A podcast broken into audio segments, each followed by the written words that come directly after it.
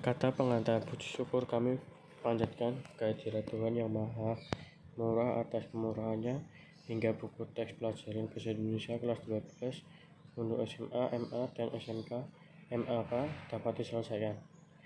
Terdapat dua jenis buku yang dikembangkan, yaitu buku siswa dan buku guru.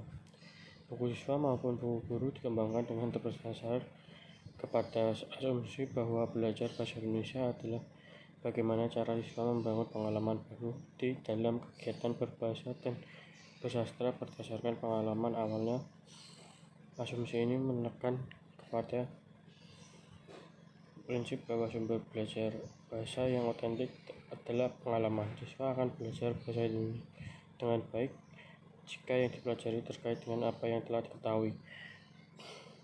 Piaget misalnya melalui teori skemanya menjelaskan bahwa perkembangan intelektual anak muncul melalui proses penciptaan pengetahuan baru berdasarkan pengetahuan si anak.